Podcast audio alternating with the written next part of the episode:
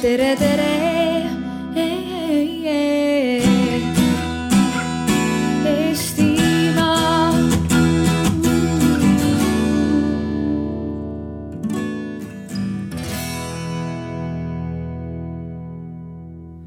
No nii, mul on väga hea meel, et me täna sellesse, sellesse teemaplokki oleme kogunenud ja kuna meil siin natuke võttis see ettevalmistamine aega, siis me saime ka juba siin omavahel tuttavaks ja tegelikult on väga hea äh, siis vestlust läbi viia, kui sa natukene tead ka juba seda tausta, kes on su kuulajad. et äh, siis äh, siis tead, et teema on neile oluline ja, ja võib-olla saavad nemad siit mingeid mõtteid. Ja teistpidi me pärast kindlasti teeme ka väikese sellise tagasiside ja, ja võib-olla küsimuste-vastuste vooru, et siis saaksime nagu üksteisele võib-olla siis kogemusi jagada ja tuleb ka sellest meie tänasest koosviibimisest siis mingeid põnevaid mõtteid või ideid, mida siis edaspidi äh, jagada. aga kõigepealt ennem kui me üldse alustame äh, me teeme ühe sellise, mina nimetan seda rituaaliks. Need on sellised pisikesed rituaalid, mida saab teha siis töökollektiivis, sõpruskonnas, meeskonnas. Ja, ja see on selline, mis mis nagu aitab inimesi omavahel siduda ja, ja tekitab sellist ka natukene elevust ja, ja sellist äh, sellist võib-olla, võib-olla rõõmu. meie näiteks oma tööpäeva algusel, äh, kui tundsime, mitte iga päev ei teinud seda, aga kui oli selline, selline hetk, et sa tundsid, et aa, täna oleks võib-olla vaja natukene kuidagi motiveerida oma meeskonda ka, siis me nende rituaalidega alustasimegi.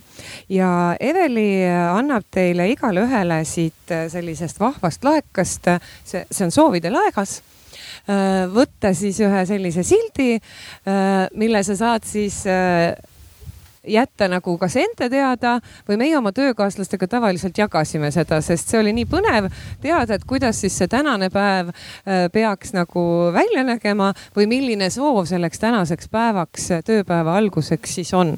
ja, ja seda oleme me kasutanud ka erinevates, mitte ainult töökollektiivis ka, vaid ka just erinevates gruppides ja seltskondades. nii et Eveli, anna igale ühele siis ära et ma lisaks siia paar sõna, et mina tegelikult, äh, et seda saab ka individuaalselt teha, et mul on kodus need kogu aeg olemas. ja kui ma tunnen, et nüüd mul on vaja seda positiivset laksu, siis ma lähen selle karbi juurde ja võtan sealt jälle midagi head ja tegelikult äh, käin ka vahel selle karbiga ringi tõesti, kui ma lähen päevakeskusesse külla või, või kellegi teise juurde või hooldekodusse või et ma ja ma jagan neid. et äh, võib-olla siis niikaua, kui Eveli jagab äh, mina näiteks olen nüüd äh, viimasel, äh, viimastel tööpäevadel ka teinud täpselt selle, et hommikul, kui ma oma töölaua taha istun, siis ma võtan ühe selle soovi, loen iseenda jaoks selle ära ja ma tunnen, et ohoo tänane päev siis peaks minema selline või ma vähemalt tean, et, et minuga kaasas on terve päev üks soov ja kui ma tahan seda teistega jagada, siis ma jagan ja kui ma ei soovi seda jagada, siis see jääb lihtsalt äh, minu teada. ja jagamegi need ära ja siis meie ise loeme teile nad äh, ette. Äh, et et äh, missugune see soov siis äh, tänaseks päevaks olema sai. et seda ka tegelikult, äh, kuna ma õppisin, just lõpetasin ka kultuurikorralduse magistratuuri ja tegin ühe lõputöö sellel või ühe kursuse töö sellel teemal, et need rituaalid töökeskkonnas ja, ja need olid just need rituaalid siis, mis ei puuduta nüüd ainult ütleme sellist mingit soovide laegast vaid kõike seda, mis puudutabki töökollektiiviga koos äh, tegutsemist ja toimetamist. Need on need ühiselt veedetud sünnipäevad, ühiselt äh, käimised kuskil äh, kohas ja need ei ole mitte seotud ainult siis nagu töökollektiiviga, vaid ükskõik millise kollektiiviga, et on ta siis päevakeskuses, on ta mõnes seltsis, et need pisikesed rituaalid iga päev meie elu ja, ja sellist igapäevarutiini aitavad aitavad nagu äh, äh, edasi viia ja leida siis sellest igast päevast mingisugune siis selline omane, omale äh, päeva mõte. aga mina loen enda oma teile ette juba. ja minu tänane päevasoov on siis selline.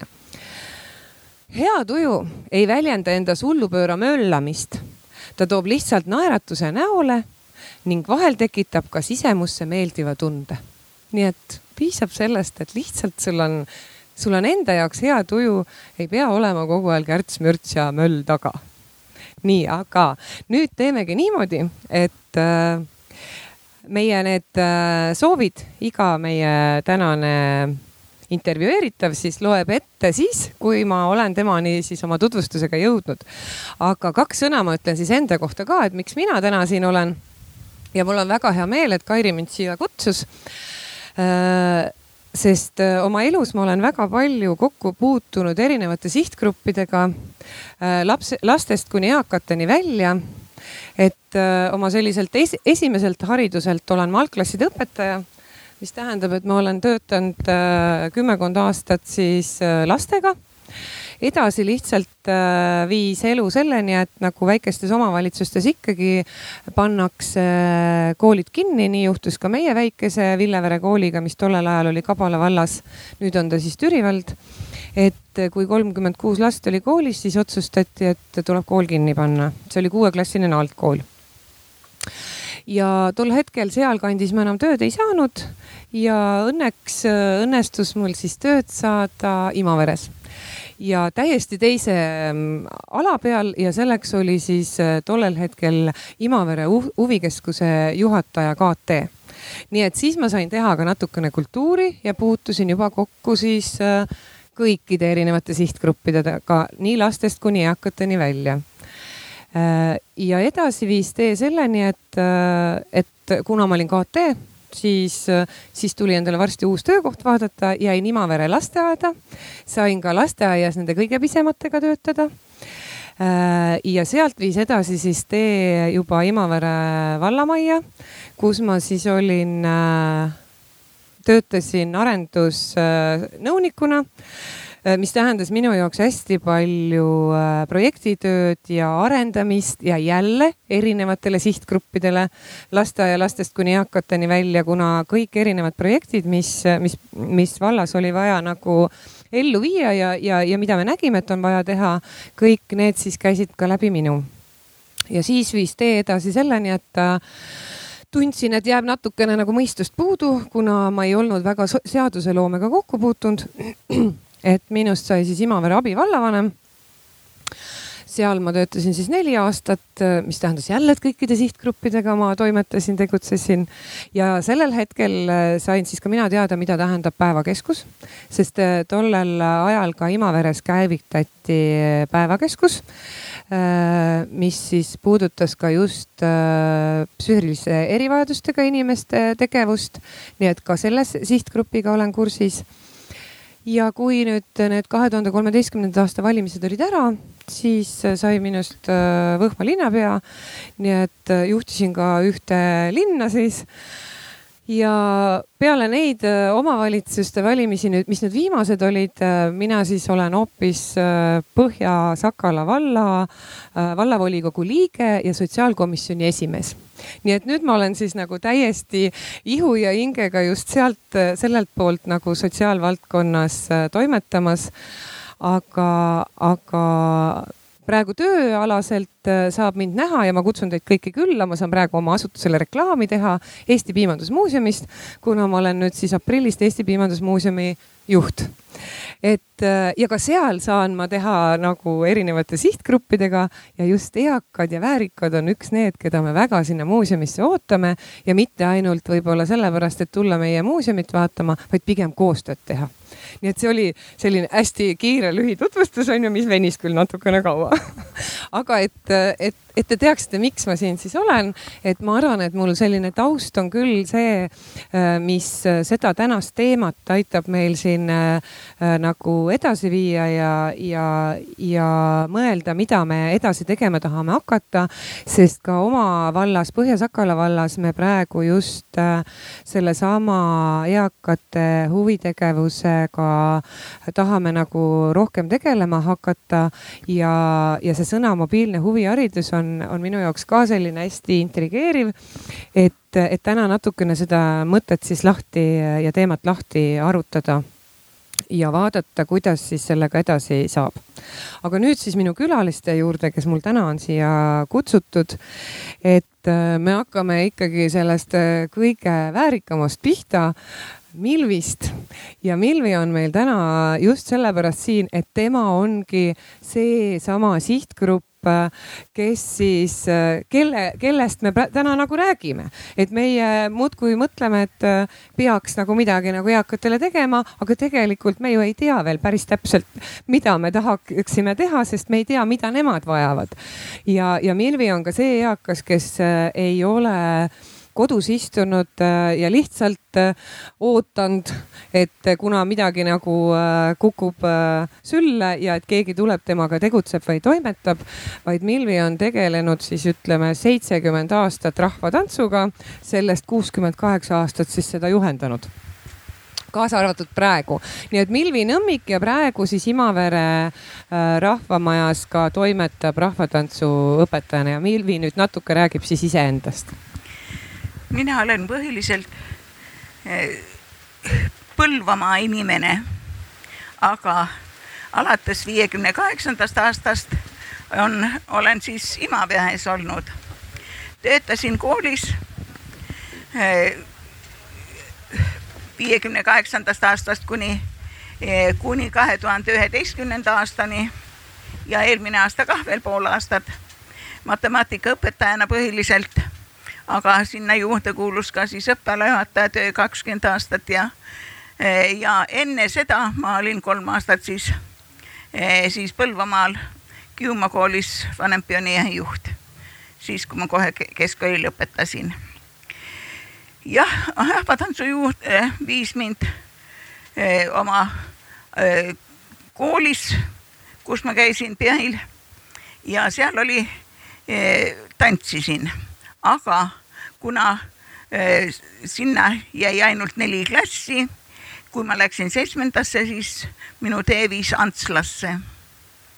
Antsla keskkoolis aga momendil puudus rahvatantsu õpetaja, meie aga tahtsime teha klassiõhtut ja lapse, äh, kaaslased, klassikaaslased palusid siis minul neid samu tantsusid õpetada, mida ma ise olin õppinud ja sealt läks siis äh, edasi.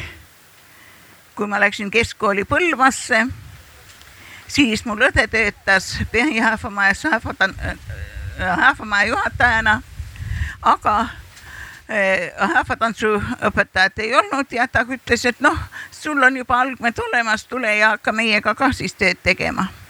ja nii ma siis olingi kuni keskkooli lõpetamiseni siis Peil tantsuõpetajaks läksin Kiumasse, esimene asi, direktor ütles mulle kohe, et eelmine pioneerijuht õpetas rahvatantsu lastele ja tuleb sinul ka hakata õpetama.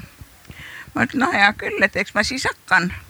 ja rahvamaja juhataja seda kuulis, ütles, no aga rahvamaasse on ka vaja tantsuõpetajat. noh, olin siis seal kolm aastat ära ja saatuse tahtel maandusin siis Imavehesse mõtlesin, et ega ma siin enam äh, tantsuõpetajaks ei hakka, et hakkan ainult öö, äh, tantsima. aga eks need fotosüüdistused ole ühed asjad, mis siis näitasid, et teistel olid rahvahiided seljas, minul aga ei olnud, järelikult ma õpetasin ja sealt hakkas siis pihta ja on tänaseni kestnud siis see töö. ja noh, eks näeb, kui kaua siis edasi Milvi, loe meile ka oma see tänane soov siis, kui sa, kui sa tahad meiega lugeda. jah, see on nii, see on nii minulik. mida vanemaks saad, seda vähem soovid neid odavaid intriige, tühje nä näitemänge ja näämeldamist. tahad lihtsalt mugavat kodu, maitsvat õhtusööki, inimest, kes teab, kui palju suhkrut lisada sinu teesse. jah, ja vot see on väga õige see, et on vaja inimest kõrvale, kes, kes seda kõike teeks ja, või ja teaks, aga kui oled üksinda, siis tahad, et, et ikkagi tuleks keegi ja ajaks sinuga natukene ka juttu ja sellepärast ma ei olegi ka tahtnud koduseks jääda ja olen ikka käinud päevakeskuses istumistantsu õpetamas ja rahvamajas siis memmede rühm sai sellel aastal kolmekümneseks. vot, aitäh, Milvi, et äh, pärast me saame siin nendel erinevatel teemadel veel arutada, aga Milvi juba siin äh, täpselt need mõtted meile, meile andiski. et, et see üksi kodus olev äh, eakas, et kuidas siis tema, temaga nagu toimetada ja see mobiilse huvitegevuse mõte nagu see ongi, et, et mitte, mitte see eakas tõesti, kui tal ei ole võimalus välja saada, ei, ei tule välja, vaid et tema juurde siis minnakse koju, aga sinnani me siis jõuame nüüd on meil täna tulnud Viljandist äh, MTÜ Teeme juhatuse liige Epp Joandi, kellel on siis väga põnevad äh, tegevused seal äh, oma MTÜ-ga, nad pakuvadki siis seltsidaami teenust ja siis teine teenus oli seltsilise teenus, nii et Epule siis sõna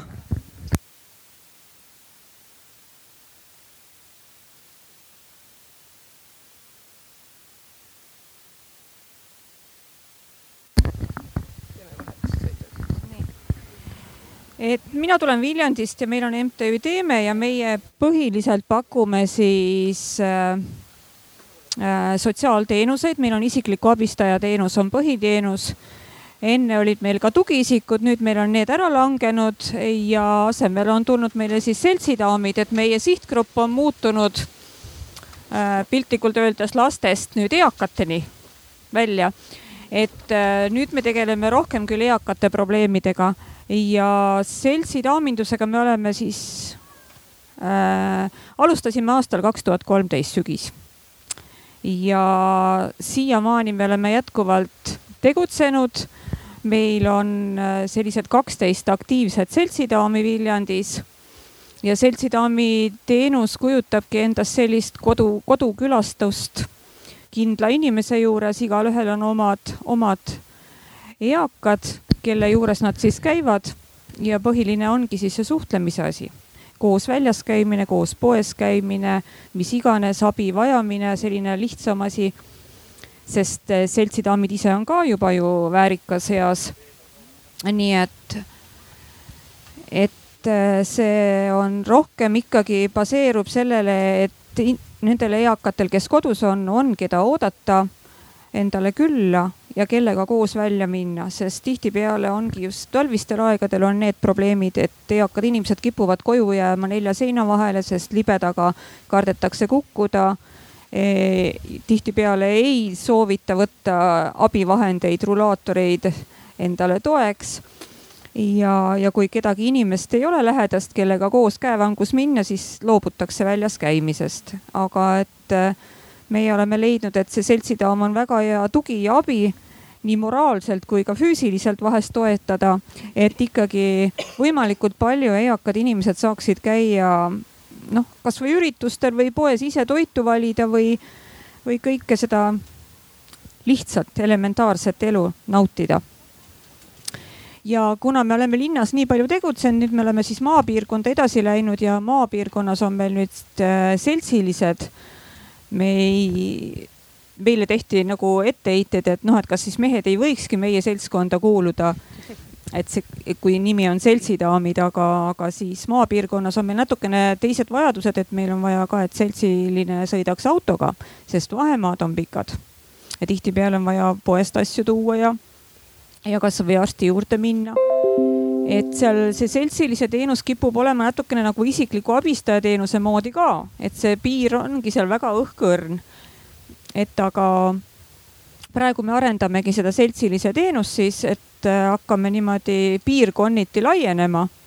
noh, eesmärk on ilus ja suur, et haarata ükskord see terve Viljandimaa, aga no vaatame, kuidas see asi välja tuleb et põhiprobleem ongi meil tegelikult selles mõttes, et kui me hakkasime kaardistama, siis neid abivajajaid, kes tahaks, et nende juures käidaks, neid on väga palju, tõsiselt palju. Selles mõttes, et noored inimesed on tööl päevasel ajal ja vanemad inimesed jäävad üksinda koju ja neil ei ole kellegiga suhelda peale televiisori või koera või kassi. et aga tahaks ikkagi inimestega näost näkku ka suhelda ja seltskonda tulla nii et, aga põhiküsimus oli meil see, et aga kust leida siis neid seltsilisi. ja selle küsimuse ma viskan praegu varakult kohe õhku ära, et äh, mõelge kaasa, kui teil on mingeid häid ettepanekuid, võite pärast tulla ja mulle ütelda siis, et kust leida neid seltsilisi vabatahtlikke, kes oleksid nõus kedagi oma kodukandis siis külastama. et ma arvan, et see probleem on üle-eestiline, et äh, abivajajaid on meil hulgim, aga, aga et kust leida neid, kes abi pakuvad mhm. aitäh. nii selle mõtte. minu, mõte, ma ah, loeksin jah. selle ka veel ette, et tähtis on alati meeles pidada, et me ise meelitame ümbritsevaid inimesi oma ellu ja nad mängivad neid rolle just, mille meie neile määrasime. nii et äh, väga tore mõte äh,, täiesti haagib selles mõttes, et äh, meil on ka seltsiliste ja seltsidaamide kõrval mõttekaaslaste klubi, kuhu me koondame siis sarnaselt mõtlevaid inimesi, kes tegelevad just terviseteemadega. nii et väga ilus lause tänase päeva puhul mm. -hmm aitäh, Epp ja Epu äh, õhku visatud mõte siis äh, pange oma pead siis tööle ja me tuleme teisel poolel äh, siia selle, nende asjade juurde veel tagasi ja siis saame arutada, et võib-olla tõesti teil kellelgi on nüüd mõte või idee, kuidas seda, seda edasi viia ja ma tean, et ka kohalikud omavalitsused on äh, seda teenust äh, ostnud. nii et see on koostöö sotsiaaltöötajatega, sotsiaaltöö spetsialistidega, et sellised teenused nagu omavalitsuses käima saavad, et pärast korra seda teemat veel puudutame just sotsiaalvaldkonna poole pealt. aga nüüd siis äh, minu kolmas külaline täna on äh, Eveli Lilleoja, kellega meie ise oleme tööalaselt äh, palju aastaid nagu ikkagi juba seotud olnud ja Eveli on täna siin just sellepärast, et Eveli on Äh, aidanud äh, ellu viia ja, ja ka käivitada kahte päevakeskust, äh, nii Imavere päevakeskust kui Võhma päevakeskust, et et kui Imaverel oli juba päevakeskuse loomine äh, mingil määral tehtud, kui Eveli tuli, siis äh, Võhmasse tuli Eveli kolm aastat tagasi ja, ja seal nagu sellisel moel, nagu see päevakeskus toimima ja tegutsema peab, seda ei olnud. et ta oli nagu nime poolest ja seal olid ka mõned sellised tegevused, aga selliselt nagu, nagu ka minu selline visioon oli või, või vajadus ka oli, selliselt teda veel sel hetkel Võhmas ei olnud.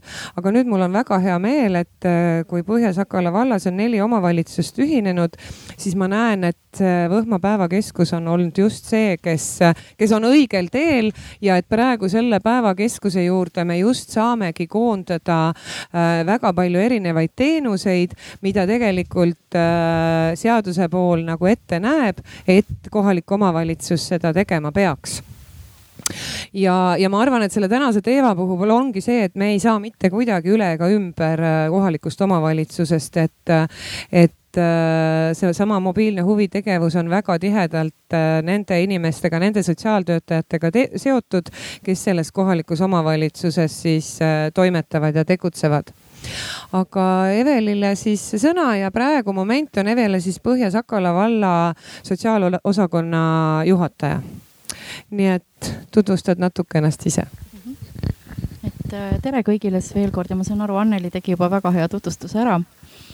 et äh, ääretult tore on siin olla, sest äh, kohaliku omavalitsuse töös minu pea ka ikkagi keerleb selle ümber, et äh, mismoodi me jõuaks palju paremini äh, inimeseni, just selle inimeseni, kes vajab abi ja see abivajadus ei pea tähendama tingimata seda, et tal on nüüd juba midagi juhtunud, on tervis väga halvaks läinud ja siis me nüüd nii-öelda selle hoolduse paneme peale, vaid ka kogu aktiviseerimistegevus. et aga endas siis äh, nii palju, et ennem sotsiaaltööle sattumist äh, umbes üksteist aastat tagasi tegelesin ma tegelikult hoopis aianduse ja maastikuehitusega.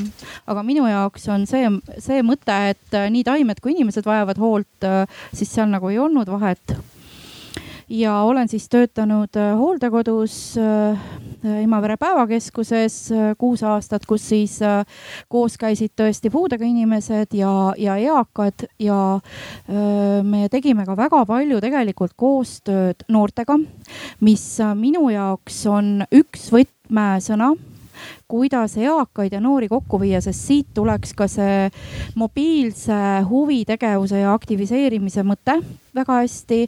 et ka teatud uuringud näitavad seda, et äh, tegelikult äh, just eakam inimene vajab seda noorte energilisust ja, ja seda nende tänapäeva oskusi mida, milles nad saavad toeks väga palju olla ja eakas inimene siis äh, vanemaealine saaks anda noortele seda nii-öelda eluõpetust, sest neil on ju kõige suuremad kogemused ja teavad ju täpselt, kuidas teatud olukordades käituda ja, ja kuidas elada hästi. Ja praegu siis, nii nagu Anneli ütles, peale Võhmalinna sotsiaaltöö tegemist olen ma nüüd siis Põhja-Sakala vallas ja, ja juhin sotsiaalosakonda ja Võhma päevakeskuses siis samamoodi me jõudsime selleni, et tegelikult meil on nüüd erinevad sihtgrupid koos ja, ja ma üritan äh, siis või üritan koostöös äh, päevakeskusega jõuda siis ka tõesti nüüd oma teenustega sinna, kus praegu see veel hetkel ei toimi ja minu moto on ka väga või see, see soov või, või mõte on väga minulik, et naistel ei ole reegleid, on ainult tujud. ja paraku tuleb, tuleb nende tujudega hakkama saada et äh, minu arvates ei ole olemas juhuseid, kuigi need jutu, juhtuvad juhuslikult, nii et kõik see, mis teile tuleb, kui algul on võõras, siis tegelikult mõelge enda sisse. ja te näete, et see nii on, aga aitäh praegu no nii, nüüd me olemegi selle teemani siis niimoodi vaikselt sisse juhatanud.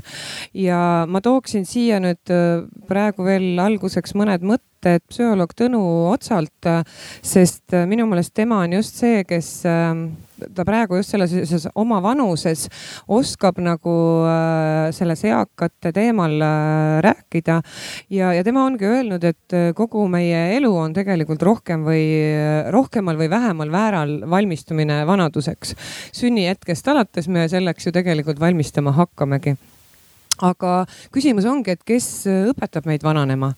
et et äh, räägitakse kogu aeg, et õnnelikust vanadusest ja väärikast vananemisest ja, aga kes seda meile tegelikult ju õpetab, sest, äh, sest äh, äh, praegu statistika ütleb, et et Eestis on elanikkonnast ligi viie, ligi pool elanikkonnast on ligi viiekümne aastased. et see tähendabki juba seda, et et meil ei olegi, meil, meil tuleb noori niivõrd äh, vähe peale ja meie, meie elanikkond järjest vananeb, et me peame mõtlema just nende inimeste peale, keda meil praegu hetkel on kõige rohkem ja, ja vahest on mul küll tunne, et see ühiskond ei oska nagu vanemaealistega arvestada. et peredes puudub selline suhtlemise kultuur, just selline, selline vana jah, vanaemalt nagu lapselapsele tulev või, või kuidagi selline, selline mõtlemine ei ole nagu enam, enam kuidagi paigas. see, see on nagu aeg-ajalt mulle tundub, et äh, vana, vananemisel on ju ka olema, meil on erinevaid äh, koogikaid, meil on äh, pedagoogika, meil on andragoogika ja tegelikult on meil olemas ka, äh, ka vananemise õpetus ehk siis kereogoogika, mis tähendabki siis kolme põlvkonna suhtlemise sellist oskust. et kui see pedagoogika õpetab lapse kasvamist, siis läbi lapsevanema ja õpetaja et keegi ikkagi õpetab, andragoogika õpetab ütleme keskealisi niimoodi hakkama saama oma kriisiga läbi teiste inimeste teadmiste, siis kes õpetab siis neid vanemaealisi, et, et need vanemaealised saavad ikkagi õppida ju ainult iseenda elukogemusest ja, ja ainult iseenda sellisele äh, oma, oma mõtetele või oma iseenda kaudu nagu seda vananemist endale nagu paremaks või meeldivamaks teha et ka praegu need ju, kes seaduseloomet teevad, eh, ega nemad ju ka ei tea, missugune on, kuidas on olla vana. aga me kõik arvame, et me, me teame, kuidas vanemaealistele siis, mida pakkuda ja mida nad tahavad ja kuidas tahavad, et, et tegelikult eh, me peaksime ikkagi rohkem neid, neid kuulama ja nende käest küsima, et mis nad siis tegelikult ka, ka vajavad ja no üks asi ongi seesama, seesama huvitegevus, milleni me siis oleme nüüd nagu jõudnud jõudnud. et, et kuidas siis ähm, kuidas siis jõuda ikkagi nende inimesteni, kes on seal kodus üksinda, äh, kes vajavad seda meie tuge ja abi ja, ja, ja kuidas nagu ühiselt siis võib-olla ka mitte ainult selles tänases päevas, vaid pikemas perspektiivis mõelda, et, et mis oleksid siis need, need tegevused või need vajadused juba praegu kui me mõtleme sinna viisteist, kakskümmend aastat tagasi, et ma, ma võib-olla Milvi käest küsiks praegu nii palju, et kuna sina oled nagu meie, meie hulgast kõige kauem elanud ja sul on kõige parem kogemusi, siis, siis möödunud sajandil, kui sina nüüd mõtled oma ema või vanaema või nende peale, et kuidas nemad eakatena toimetasid või tegutsesid, mis nemad sellel, selles vanuses siis nagu tegid? et siis ei olnud ju keegi väga niimoodi koju kätte toomas midagi. no sel ajal oli niiviisi, et, et jah, koju kätte ei toonud keegi midagi, aga eh, minul isasui jah, kui ma käisin alles keskkoolis, ema eh, siis noh, mina olin kõige noorem, lõpetasin ka keskkooli, läksin tööle, nii et selles suhtes oli nagu juba inimesed, kolm tütart juba ellu saadetud. kõik töötasid, aga me ei jätnud ema kunagi üksinda koju. alati oli meist keegi ikkagi kodus ja ka praegu kõige vanem õde elabki isa kodus ja, ja toimetab seal ja, ja tema järeltulijad siis aitavad teda, nii et tema ei ole ükski päev üksinda. aga kuna mul on ainult üks tütar, siis mul seda võimalust ei ole. ja ta elab Paides, aga nädalavahetustel on alati ta ikkagi mul abis ja kui juba üks õhtu jääb, et mina temale ei helista või eh, siis tema juba hommikul helistab, kuule, sa ei helistanudki mulle õhtul, kuidas sul on, kuidas sul on, kuidas tervis on? et eh, selles suhtes meil on väga-väga tihe eh,, tihe läbisaamine ja eh, muidugi lisaks sellele on mul see hea asi, et, et tütarpoja pea elab Imaveres ja see eh, tüt- ja olen siis kah kolmekordne juba vana-vanaema ehk nende eh, laste-laste, laste suhtes olen siis puuvana, nagu nad mind kutsuvad. ja, ja alati ei ole ühtegi päeva, kui, kui tütarpoja perest keegi minu juures ei käiks ja, ja vaatamas, et kuidas mm -hmm. mul on, kas mul on abi vaja või midagi sellist see tähendab seda, et ikkagi hästi oluline on see lähedaste ja, ring, kes su ümber on, et, et need, kellel on selline lähedus olemas, nendel ongi võib-olla natukene kergem äh, hakkama saada ja, ja, ja oma nende erinevate tegevustega ka võib-olla tegeleda, millega nad soovivad tegeleda, sest sul on juba vähemalt need, kellega suhelda. et, et see suhtlus on nagu suhtlus oluline. suhtlus on väga tähtis ja praegugi kui ma juhendan oma memmede tantsurühma, siis põhiliselt on, väga paljud on just üksikud mm. -hmm. ja nad tulevad hea meelega siis välja, et oleks, saaks teiste seltsis olla, kes on jäänud juba tantsurühmast oma vanuse poolest, siis nad ikka küsivad, kas ma ikka võin paavile tulla, et ma saan ikka teiega mm. suhelda seal. ja äh, kui ma äh, seal päevakeskuses istumistantsu olen teinud, siis nüüdki üks, kes on nüüd kaheksakümne kaheksa aastane, küsis, et sügisel, kui sa hakkad tantsu tegema, kas mina ikka võin ka tulla veel? ma ütlen loomulikult.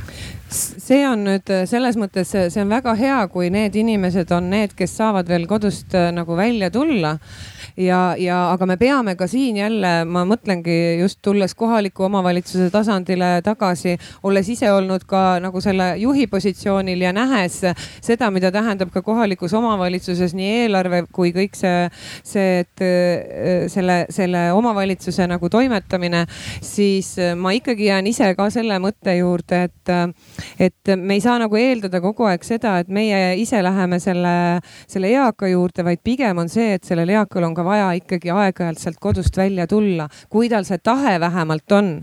on ka neid eakaid tõesti, kes ei taha sealt kodust välja tulla, et nendele me saame minna koju ja pakkuda, aga, aga me peame ikkagi ka mõtlema, et aeg-ajalt ja eriti just nendes ajapiirkondades, et me saaksime selle inimese nagu välja sealt äh, tuua.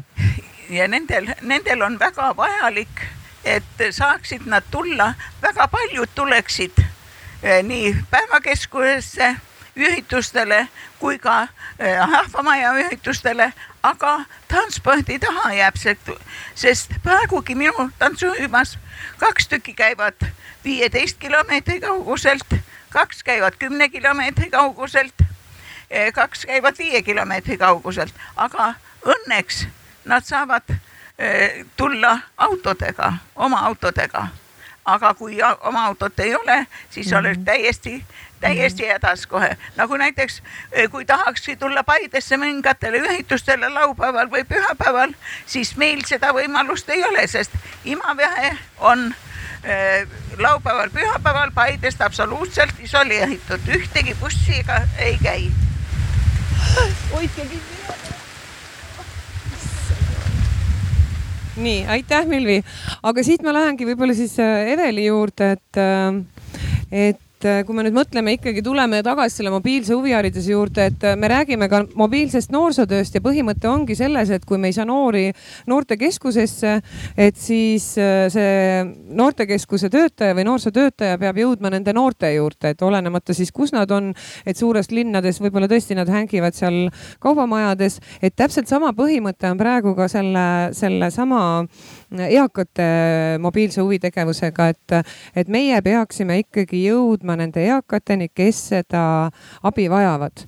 et et kui me nüüd tuleme tänapäeva tagasi ja kui ma mõtlen ise seda, et, et mina olen ka viieteist, kahekümne aasta pärast täpselt samasugune see eakas, kes, kes võib olla mingi hetk kodus ja, ja sealt enam välja ei saa sest noh, ei tea ju, mis elu toob, et äh, aga mina olen juba see eakas, kellel on äh, nagu see arvutimaailm ja nutimaailm juba tuttavam, mis tähendab seda, et minul kindlasti on äh, kodus, kodus olemas arvuti, et võib-olla see mobiilne äh, huvitegevus saab ka olla kuidagi meil seotud just selle, selle tuleviku või sellise nutimaailma ja, ja sellisega, et see suhtlemine, kui tõesti kodust välja ei saa, saab ka olla läbi sellise internetitegevuse.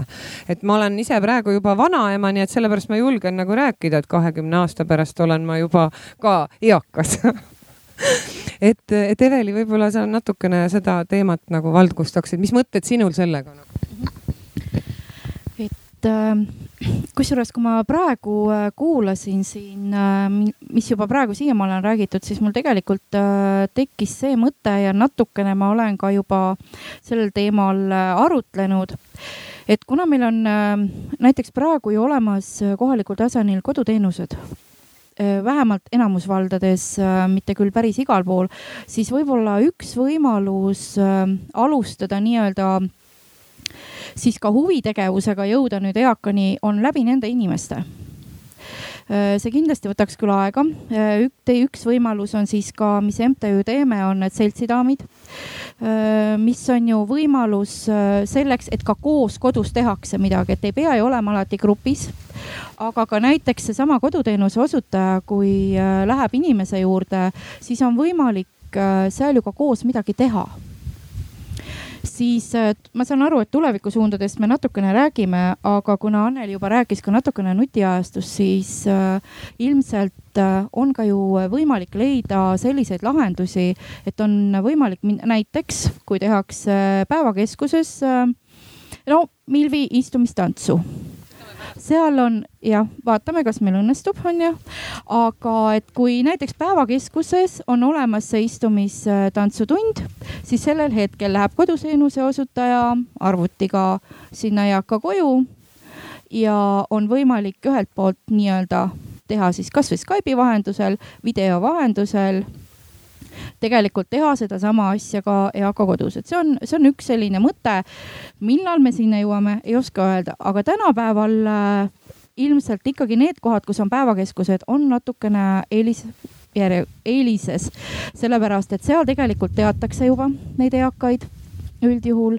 Äh, ja, ja kui eakad jäävad äh, sealt ära, siis ikkagi leitakse need inimesed, kes võtavad ühendust, kes lähevad koju, et, et see suhtlemine toimub, et ma võib-olla siin annaksingi äh, jutujärje Epule, sest temal on äh, väga hea näide selle kohta täiesti olemas. Äh, meil on niimoodi, et meil on näiteks üks seltsidaam on selline, kes liigub ise rullaatoriga ja temal treppidest käimine on väga raske, nii et ega tema eriti nagu teistel külas kellelgi ei käi, aga kuna tema on selline tore vanaema, kellel lapsed on kaasaegsed vidinad kõik koju soetanud, siis tema on selles mõttes, et tema teeb meil seltsidaami teenust Skype'i teel. Väga hea pilt on olemas, saate näidata üksteisele, mida siis keegi on teinud, äh, kuidas tal on päev läinud, pilt on ees, täpselt nagu suhtled nagu inimesega.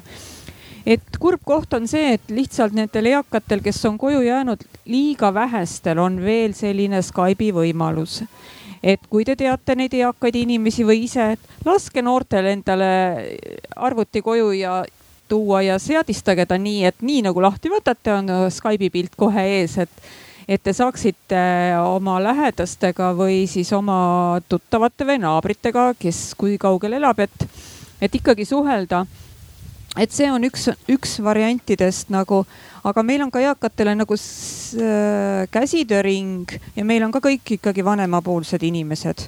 ja just äh, selles mõttes, et äh, tihtipeale ju käed enam ei lase tööd teha enam näpp, peent näputööd ja, või silmad enam ei luba, et, et sellegipoolest nii nagu Milvi ütles, et, et kas ma võin ikka tulla täpselt sama küsimus on ka meil ja, ja nad on väga oodatud tegelikult just, nemad tulevad rohkem suhtlema ja vaatamagi, mis teised teevad, et nad tahavad olla ikkagi ühiskonnaelus kaasarääkivad, nad tahavad olla aktiivsed, noh, vastavalt oma võimalustele, kellel vähegi võimalust on. ja linnatingimustes on see võimalus olemas ikkagi enam-vähem kuna nüüd on meil tasuta transport ka ja see ligipääsetavus on täiesti olemas, aga just maal on see keeruline probleem, et need päevakeskused on alevikus ja sinna saamine on suht keeruline. nii et aga, aga just need mobiilsed äh, vahendid, on nad siis telefonid või, või, või arvutid.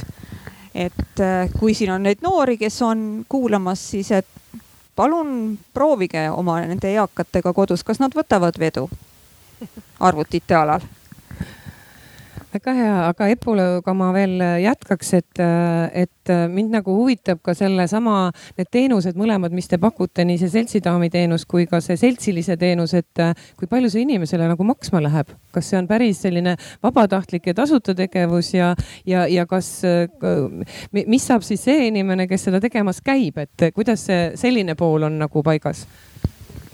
Äh, praegu meil on niimoodi, et meil on seltsidaamid ja seltsilised äh, vabatahtlik teenus. aga selles mõttes, et see asi peab olema kahepoolne, et äh, kedagi kohustusest sinna saata ju teise inimese juurde ei ole mõistlik ja see asi ei toimi niimoodi. et nad peavad olema kas siis tuttavad või kuidagi mingi huviala või hobi või peab neid ühendama, et neil oleks ühine jututeema. nii et eks see ajapikku kujuneb, kes hakkab käima ja kes kellega paremini klapib. et aga, aga asi peab toimima nii, et see oleks vastastikune, mõlemale peab see midagi andma. ja see ongi see, et, et see annab emotsionaalselt tegelikult endale väga palju tagasi ja, ja just, et kui, kui ju leitakse see ühine jututeema, kui on ühised äh, hobid või huvid või on ühised erialad olnud, millel on töötatud aastaid, et on, mille üle nagu teemasid vahetada. et siis jätkub ka juttu kauemaks nii et aga selles mõttes, et kui noored lapsed tahaksid nagu teenust tellida, et minu memmekene on seal külas ja seal talus ja, ja on üksinda nädal otsa, et nädalavahetustel saavad noored alles tulla, et nädala sees oleks nagu vaja, et siis on meil olemas tegelikult täiesti seesama seltsilise teenus ka tasulisena et siis teeme nagu lepingu lastega ja, ja saame siis vastavalt vajadusele, kas siis on üks või kaks korda nädalas vaja siis käia tema juures et saame ka need asjad aetud, nii et mõlemad võimalused on olemas. ja on ka lepingud kohaliku omavalitsusega kohe niimoodi e, sel- ne,, nende teenuste puhul? kohaliku omavalitsusega selles mõttes, et äh, meil on küllalt head suhted ja kui me teeme omavalitsusega lepingut, siis tegelikult on ta meil põhimõtteliselt ikka isikliku abistaja teenus sest seal on transporti kindlasti vaja, et, et inimene saaks arsti juurde ja poodi ja oma asju ajama aga ma saan aru, et tegelikult neid inimesi, kes käiks nüüd neid teenuseid tegemas, on ikkagi üsna vähe, et, et see saab ju olla ainult see inimene, kes ise nagu soovi avaldab hakata selle asjaga nagu tegelema, et ega neid ju meil kuskil välja ei õpetata ega koolitata, vaid, vaid see on sihuke vaba tahte alusel. jah, neid on suht keeruline leida et kui kellelgi on vahetustega töö, et siis mõnedel vabadel päevadel nagu õnnestub isegi käia. Et aga noh, kõige oodatumad on meil sellised noored pensionärid, kes on äsja jäänud alles pensionile ja kes veel sõidavad autodega ja kellel on seda vaba aega nüüd rohkem käes on ju, et meie küsimus ongi, et kuidas, kuidas need aktiviseerida ühiskonda, et mitte, et nad ei jääks koju ja ainult oma pere keskseks, vaid et nad äh, oleksid jätkuvalt aktiivsed ka oma küla ja kogukonna elus. et see on üks suur üleskutse. küsimus, kuidas nad üles leida. et see on meie jaoks üks keeruline asi. Aitäh, Epp, üks erilane piinab mind natuke, aga ma tegelikult korra enne, kui me nüüd hakkame tõesti reaalselt seda istumistantsu tegema, me tahame teiega täna läbi selle teha, et te teaksite, mida see istumistants endast kujutab.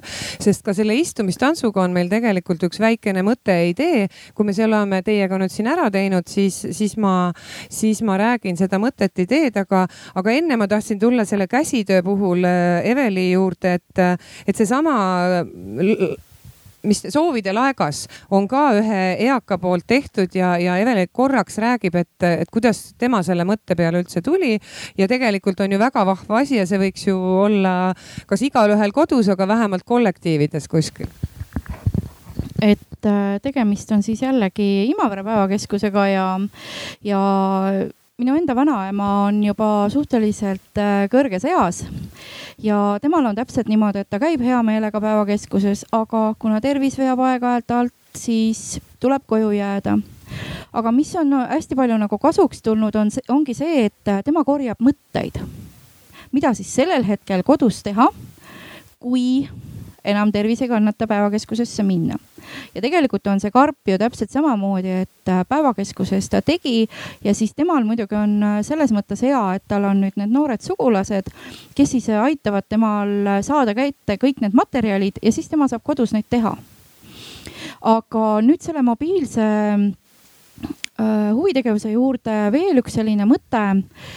minul endal on olnud nüüd juttu näiteks ka ühe hooldekoduga Äh, kes, äh, vot hooldekodud on ju ka, et osades tehakse rohkem neid käelisi tegevusi, osades vähem. ja siis me istusime maas ja mõtlesime, et kuidas me saaks hooldekodusse käelise tegevuse.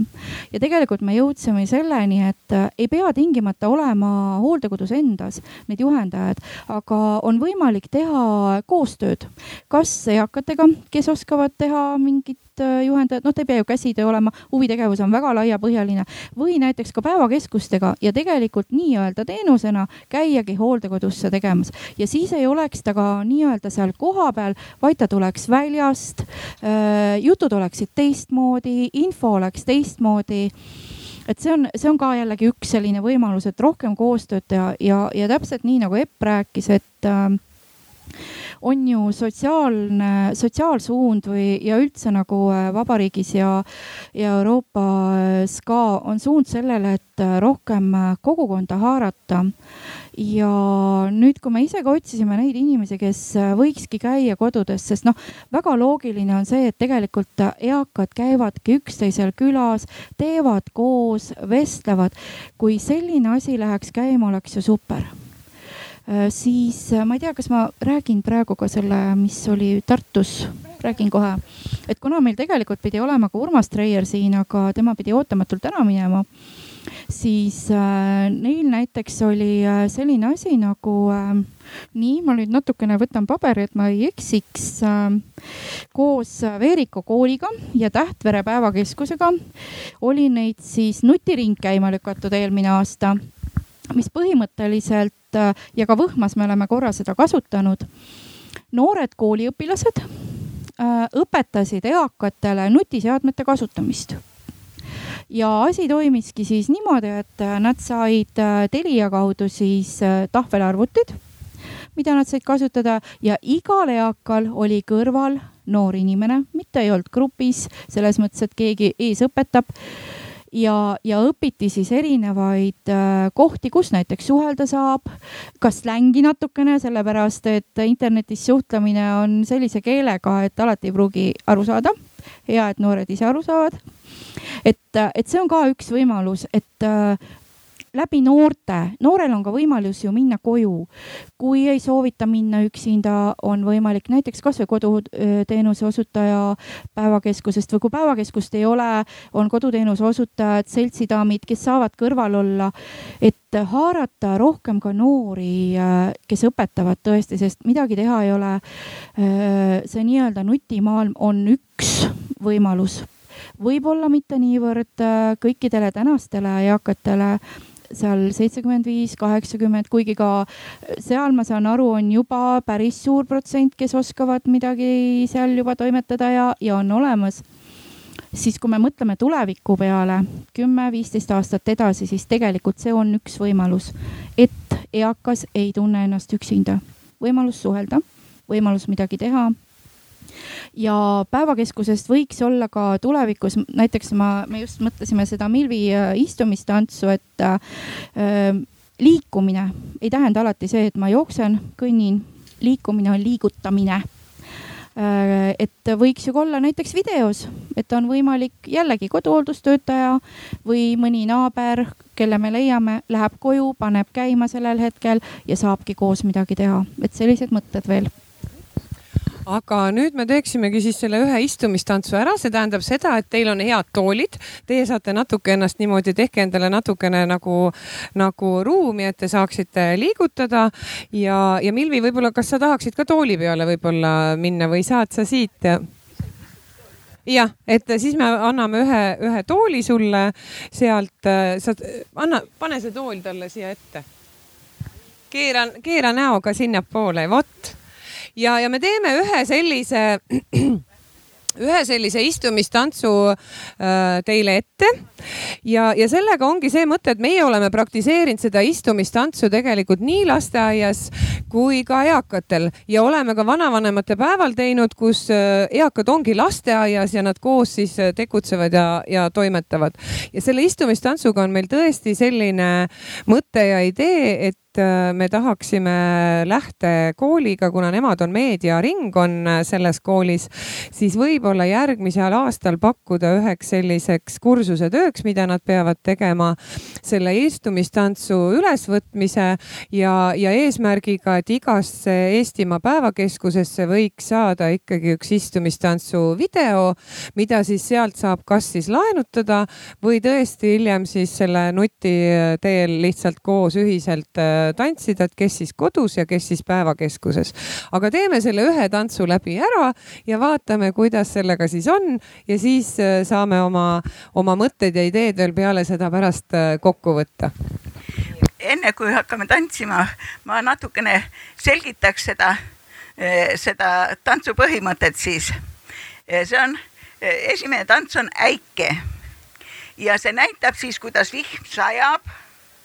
vihm sajab, siis lüüakse plaksu, on nagu öö, välk ja tambitakse jalgadega, siis on see nagu siis see kõuemühin, siis vaadatakse ühele poole, kuidas siitpoolt pilved liiguvad, vaadatakse teisele poole, kuidas siitpoolt pilved liiguvad ja siis nähakse, et on suu, suu vike ka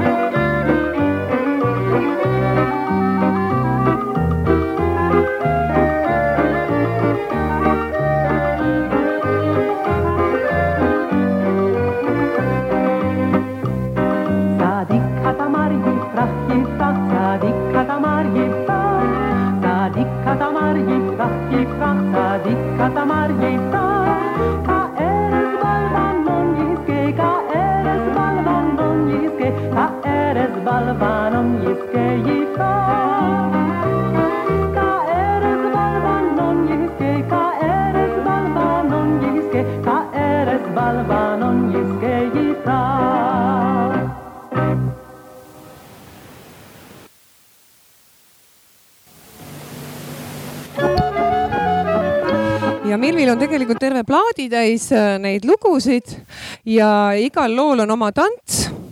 et äh, ja neid üks, on üks, käinudki. üks, kaks, üks, jah, jah.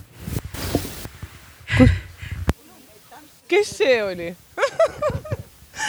mina see ei olnud, et, et ja neid on ta käinud niimoodi propageerimas erinevatel, erinevates kohtades, erinevates päevakeskustes. Ja nüüd on jah tulnud nagu see idee, et eks me nüüd hakkame mõtlema, et kuidas seda ideed nagu rahaliselt teostada, et tehniliselt ma usun, et me selle lähtekooliga saame, saame kaubale, sest minu meelest on see väga vahva selline, selline kursusetöö teema ja mõte, et sellest sünnib tõesti üks praktiline äh, plaat, mida siis saaks hakata siis äh, nagu päevakeskustele äh, siis levitama ja, ja, ja ma usun, et sellest on hästi palju ikkagi inimestel nagu abi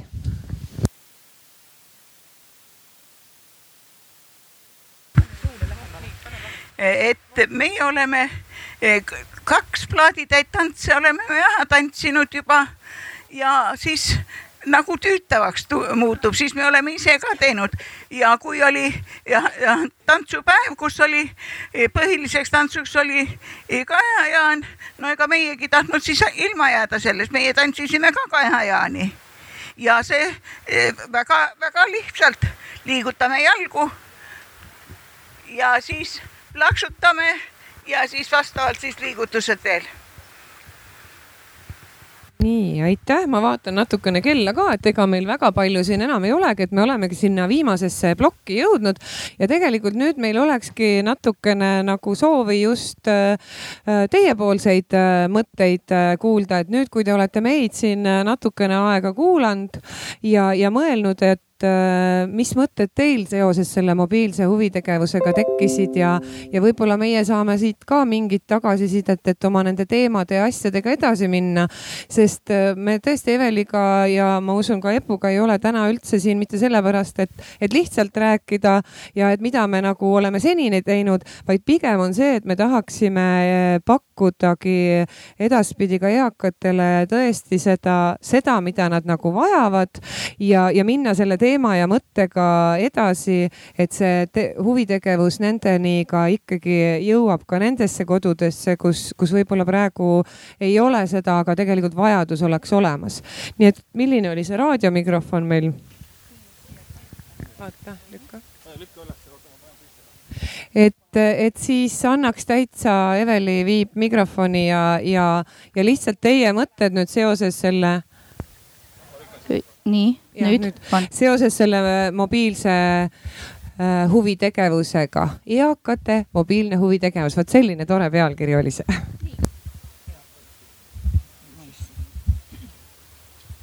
tere õhtust, enam ma ei mõelnud, tere päevast, ma ei mõelnud esineda, aga kui ma kuulasin siin mikrofoni, nagu tuleb ütelda. rääkige mikrofoni. nii, tähendab, esiteks ma tahaksin teile soovida õnne, sest te olete nüüd teises eas. veel lähemale, sedapidi, hea küll, olete teises eas. Äh, keskiga kaheksakümmend, kaheksakümmend viis lõppes eelmisel aastal. nii et teie pole sinnapoole üldse jõudnudki mõistate? Eh, nüüd ei ole teiega jõudnud. Teie iga hakkas peale sada kakskümmend sellest aastast. nii et palun ärge seda ära unustage. seda tõestas Siberi Teaduste Akadeemia tervele maailmale ja kõik olid nõus, sada kakskümmend on keskiga nüüd, eh, mis on arvutid?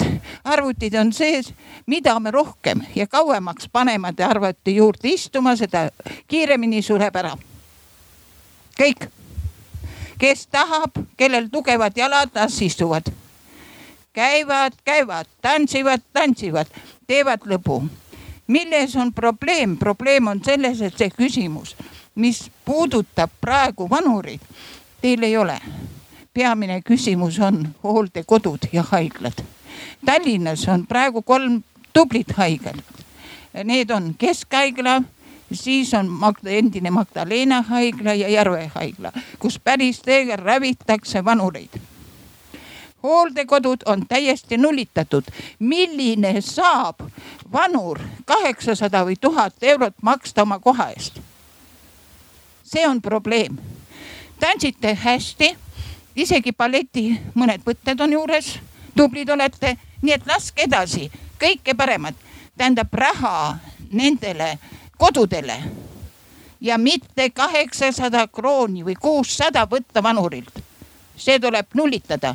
aga äh, nüüd need arvutid, kes tahab, need on juba ära õppinud ja ärge neid vägise arvuti juurde istuma pange. aitäh, kõike paremat, edu teile. aitäh teile. aitäh, nii ja nüüd siit tuleb. tere ma tahaks natukene teises, teises plaanis. kellele on kõige rohkem vaja seda, seda vanurite tegevust ja liikumist? ma arvan, ma arvan, et, et mitte ainult vanuritele või mitte ainult nende jaoks noh, kuidas, kuidas nüüd ütelda et nad, et nad millegagi, millegagi tegeleksid, vaid kõige rohkem on seda vaja noortel inimestel ja on tarvis viia kokku kuidagi need vanad ja noored. et mitte, mitte ei oleks, isegi teie algatus on väga hea, see seltsi, seltsiliste algatus aga miks mitte mõelda selle peale, kuidas kaasata sellele vabatahtlikule tööle just noori ja nimelt õpilasi. mõnes koolis on tuldud selle peale, et et oma vanemate või vanavanematega suhelda ja nende mälestusi kirja panna ja neid kuulata ja nendega rääkida. meie noored praegu ei tea üleüldse sellest, mismoodi, mismoodi on varem elatud. Neid ei huvita, nemad tegelevad hoopis millegi muuga, nad elavad mingis, mingis hoopis teises maailmas aga see pole õige, me peaksime mõtlema rohkem selle peale, kuidasmoodi, kuidasmoodi meie ühiskonda noh, liita, liita, siduda. ja, ja siin on noh, mina ise, ma kuulsin äh, siin koolis oli kolmkümmend kuus õpilast, see pandi kinni. mina läksin kooli kuueklassilisse algkooli, kus oli neliteist õpilast see oli kolmekümne üheksa, kolmekümne üheksandal aastal. no see kool oli küll Vilsandi saare peal, aga ta töötas ja sai väga hästi hakkama ja ma ei tunne, et minu hariduses midagi oleks puudu jäänud selle pärast. ja nii, et tegelikult on nii, et kes tahab teha, see leiab võimaluse, kes ei taha see leiab põhjenduse ja ettekäände, neid põhjendusi ja ettekäändeid osatakse meil otsida ja leida. nii et vähe pole. nüüd ma jõuaks selle teise otsa peale. tänavu kevadel äh, mu abikaasa suri hooldekodus. enne seda olin ma teda kolmteist aastat hooldanud Alžeimeriga. ja ta oli enne no aga siis hakkasid lapsed kartma, et minuga ka midagi juhtub või ma kuskile kokku, kokku vajun. ja seal pidas ta vastu ainult mõned kuud. kindlasti oleks ta võinud veel paar aastakest elada, kuigi ta ei olnud kontaktne väga, aga noh, ta oli liikumisvõimeline ja aktiivne. neljandale korrusele suutis veel täiesti üles tulla, aga seal noh, ma saan aru, et nendes hooldekodudes ja eriti, eriti dementsete hooldekodudes ei saa nendega nii tegeleda. aga ikkagi no, no räägitakse, et ei saa nii et kuna, kuna mul, kuna mul, kuna mul avanes, avanes võimalus see üheksasada kroon eurot maksta tänu sellele, et ma sain oma Koidula raamatu eest äh, Kultuurkapitali preemia siis nojah, mina olen see, kes kirjutas Koidule. ja aga, aga, aga ma tahtsin nüüd tagasi tulla selle, et, et see mõni kuu ta muutus täiesti liikumatuks, sellepärast et seal ei olnud seda füüsilist tegevust ja liikumist. ja, ja, ja siis, siis on see allakäik, allakäik kiire tulema ja nii ta läks. nii et no, no kallis küll, noh, ma ütlen, et mina sain, aga see, aga see, aga see teenus ei ole ikkagi see, mis on, äh, mis Kodus. on kodud, koduteenus. lähedaste ja kodustega. jah, ja, ja, ja kui oleks olnud äh, võimalik noh, näiteks, äh, näiteks kasvõi kodu, koduabilist, siis oleks, oleks ka olnud mingid, mingid võimalused. noh, päevakeskuse kohta, Tartu päevakeskuse kohta ma ei ütleks midagi halvasti, seal oli, seal olid asjad kenasti korraldatud aga, aga ikkagi, ikkagi meil äh, oleks vaja alustada sellest, et, äh, et ühiskonna mentaliteeti. muutuks, just. et nendega peab tegelema, nende suhtumistega, hoiakutega. just. nii äh, praegu, praegu see minnakse järjest, järjest rohkem lähevad, lähevad inimesed lahku üksteisest selle asemel, et selle asemel, et neid liita, olgu, olgu erinevad põlvkonnad, isegi mm, kogukonnad, noh, ükskõik mis mm. -hmm. ja kena on, et need, need eakad, kes millegagi tegelevad, kes kodust väljas käivad, aga kui võtta statistika, kui palju on ikkagi neid, kes on hõlmatud mingisuguste isetegevus huviringidega või tegevustega või päevakeskustega siis kogu meie eakate arvust on neid ikka väga vähe. on ju nii? täpselt niisama nagu räägitakse väga palju laste huvi haridusest ja huvitegevusest. aga võtke need huviringide numbrid vaat minul oli minul oli matemaatika siiski ka üks lemmikaine koolis ja praeguseni meeldib, meeldib rehkendada. ja, ja siis tuleb välja, et väike protsent lastest mahub ainult nendesse huviringidesse mm väga väike protsent, vaadake, kui palju neid seal käib ja kui palju neid tegelikult on. ja just näiteks kasvõi sellesse teie, teie tegevusse sobiks, sobiks väga hästi haarata neid. me teame, et meil on üle kümne tuhande kuni viieteistkümne aastast noort, kes ei töö, ei õpi ega tööta ega üldse ja keegi ei tea, millega nad tegelevad, kus nad käivad, kus nad on. Aga no, aga aitäh, et siin tuli, tuli palju erinevaid mõtteid, et seal taga oli küll üks käsi, aga ma korra kommenteerin siia, et, et ma olen nagu hästi mit, toetan nagu just seda ideed, et need noored ja vanad peaksid koos toimetama, et kui ma Imaveres olin, siis me tegime päris mitu projekti sellist, et aga noh, nad tõesti olid ainult sellised hetkel projektipõhised, aga me lootsime, et sellest ikkagi jääb nii lastele midagi külge, kui, kus vanad õpetasid noori ja noored õpetasid vanu ja nad tegid täpselt neid erinevaid tegevusi, mis meeldib noortele teha, õpetati nagu vanadele tegema ja vanad õpetasid siis noortele tegema. ja see oli tegelikult väga vahva projekt mulle endale, see väga meeldis, kuidas lapselapsed ja, ja vanemad vanaisad nagu koos tegutsesid ja toimetasid. aga selles suhtes ma olen teiega sada protsenti nõus, et kuidagi meie ühiskonna väärtushinnangud on, on muutunud ja me enam ei, me ei oska vist või meie lapsed kasvavad kuidagi selliste mitte enam nagu selliste õigete väärtushinnangutega, et et, kuidagi, kuidagi natukene miskit on paigast ära, aga see kõik hakkab tõesti sealt laps, lasteaiast ja kodust ja koolist peale, et, et me peame ikkagi sellega tegelema.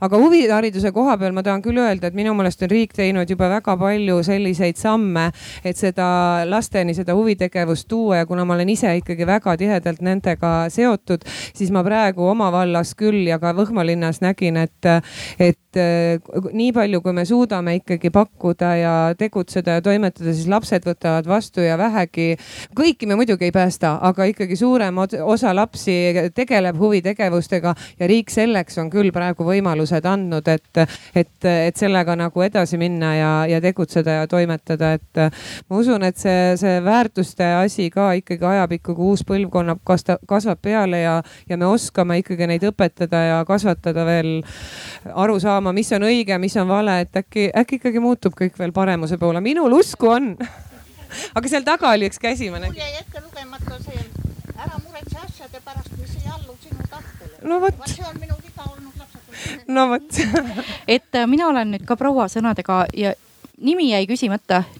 Malle Salupere. Malle, proua Malle, et äh, tegelikult Imaveres on päevakeskus ja lasteaed teevadki koostööd. nii, siin oli ka üks käsi, et ma annan tagasi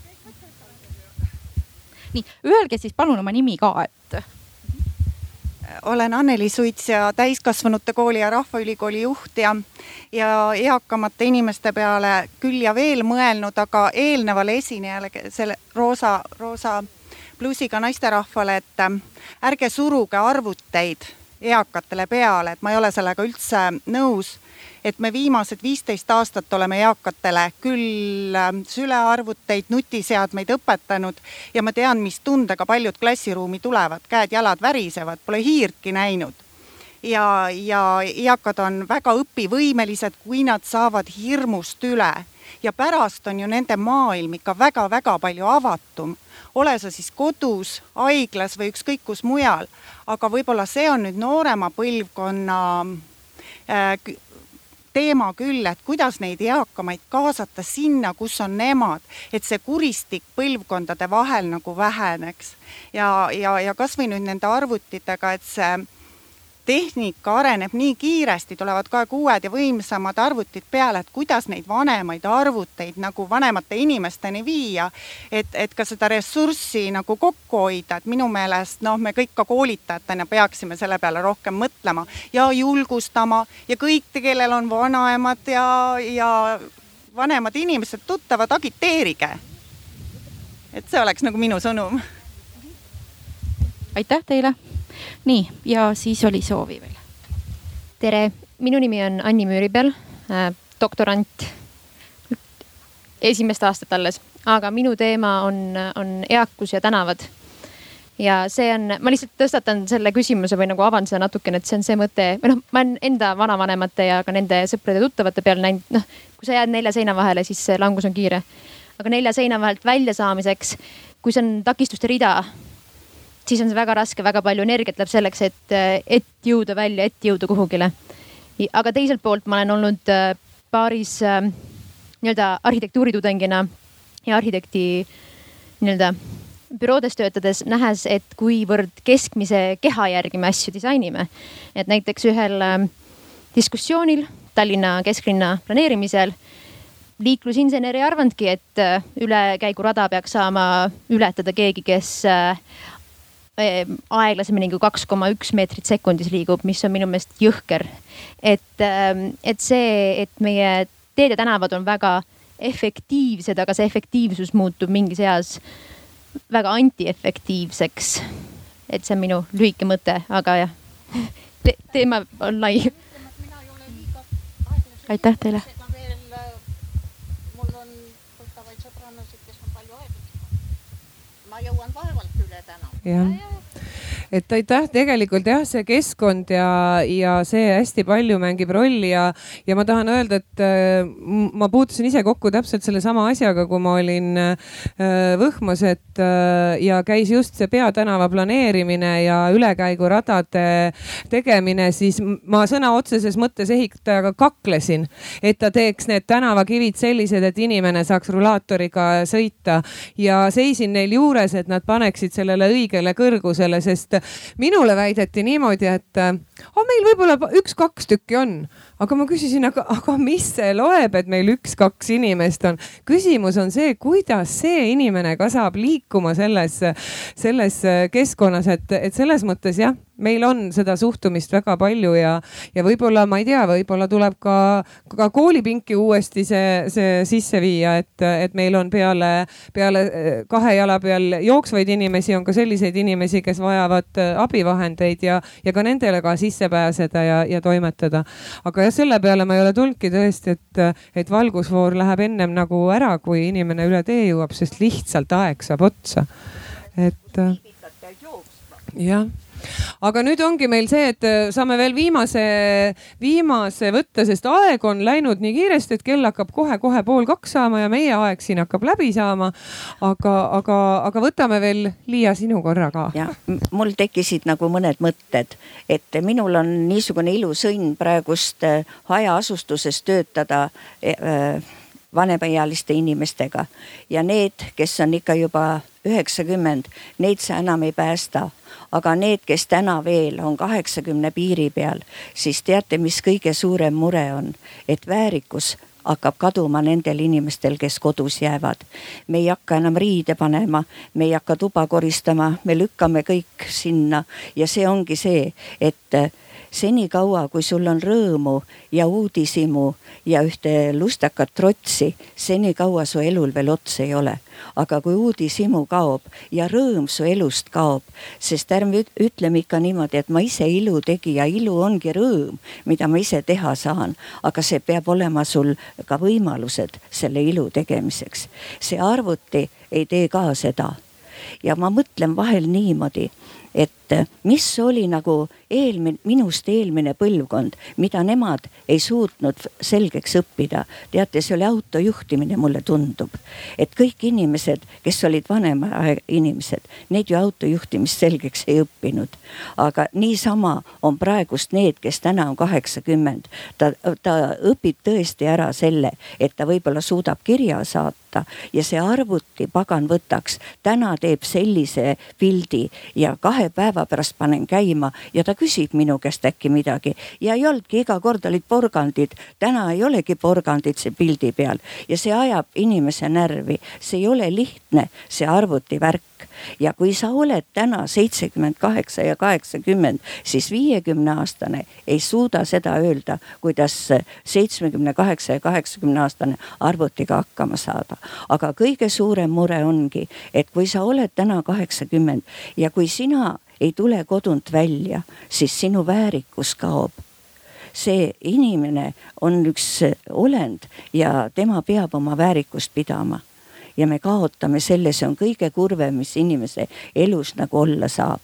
ja Anneliile vastan veel niimoodi, et kui sa küsisid, et mida eelmisel sajandil nendega tehti, kes, kes olid pensionile läinud, vaata põllutööd tegid nad kolhoosides, põld, kolhoosid olid ju, inimesed elasid maal. Nad võtsid kartuleid, nendel olid loomad. kuule jaa, nad pidasid, sa tead isegi ju seda oma ema pealt, et see oli siis lapsi toodi kogu aeg. nüüd viiakse lapsi Türki Türki ja Kreekasse ja kus kohad, kohta ja see elu, mis siin noortel läheb, nemad elavad oma elu ettepoole ikka, ega nemad tagasi ei lähe. loomad toidavad ikka oma poegi ja kõik nemad jälle oma poegi ja elu muutub nii kiiresti, eriti veel praegu, aga ma jäin lobisema, aitäh. aitäh, Liia. et ega minule siin, minul enam rohkem minu meelest öelda midagi ei ole, minu arust Liia lõpetas nii ilusti äh, selle teema ära, et äh, meie ikkagi äh, jääme oma nendega, kes meil täna intervjueeritavad, ma arvan selle juurde, mida me praegu teeme. me arvame, et me teeme neid asju Äh, kas me teeme küll õigesti, aga me teeme selle tahtega, et, et me tahame ikkagi, et eakatel oleks vääriline ja väärikas see vananemine ja, ja me püüame vähemalt teha kõik selleks, et, et neil oleks nagu lihtsam ja parem. loomulikult me täpselt ei tea, kuidas see peaks olema, aga, aga me vähemalt püüame nii palju, kui nüüd ka kohaliku omavalitsuse tasandil meie oma vallas proovime ikkagi neid teenuseid käivitada ja, ja saada ja leida üles need inimesed inimesed, kes vajavad seda, neid seltsilisi ja, ja huvitegevust ja, ja ka, ja ka kodust väljasaamist. aga mina väga tänan teid kõiki, kes te siia täna tulite, meil oli väga tore äh, pealelõuna ja no läkski just, et äh, eks me nüüd ise liigume siit edasi ja vaatame ka, mis teised pakuvad ja soovin teile ka toredat päeva ja, ja jääme väärikateks edasi. just, aitäh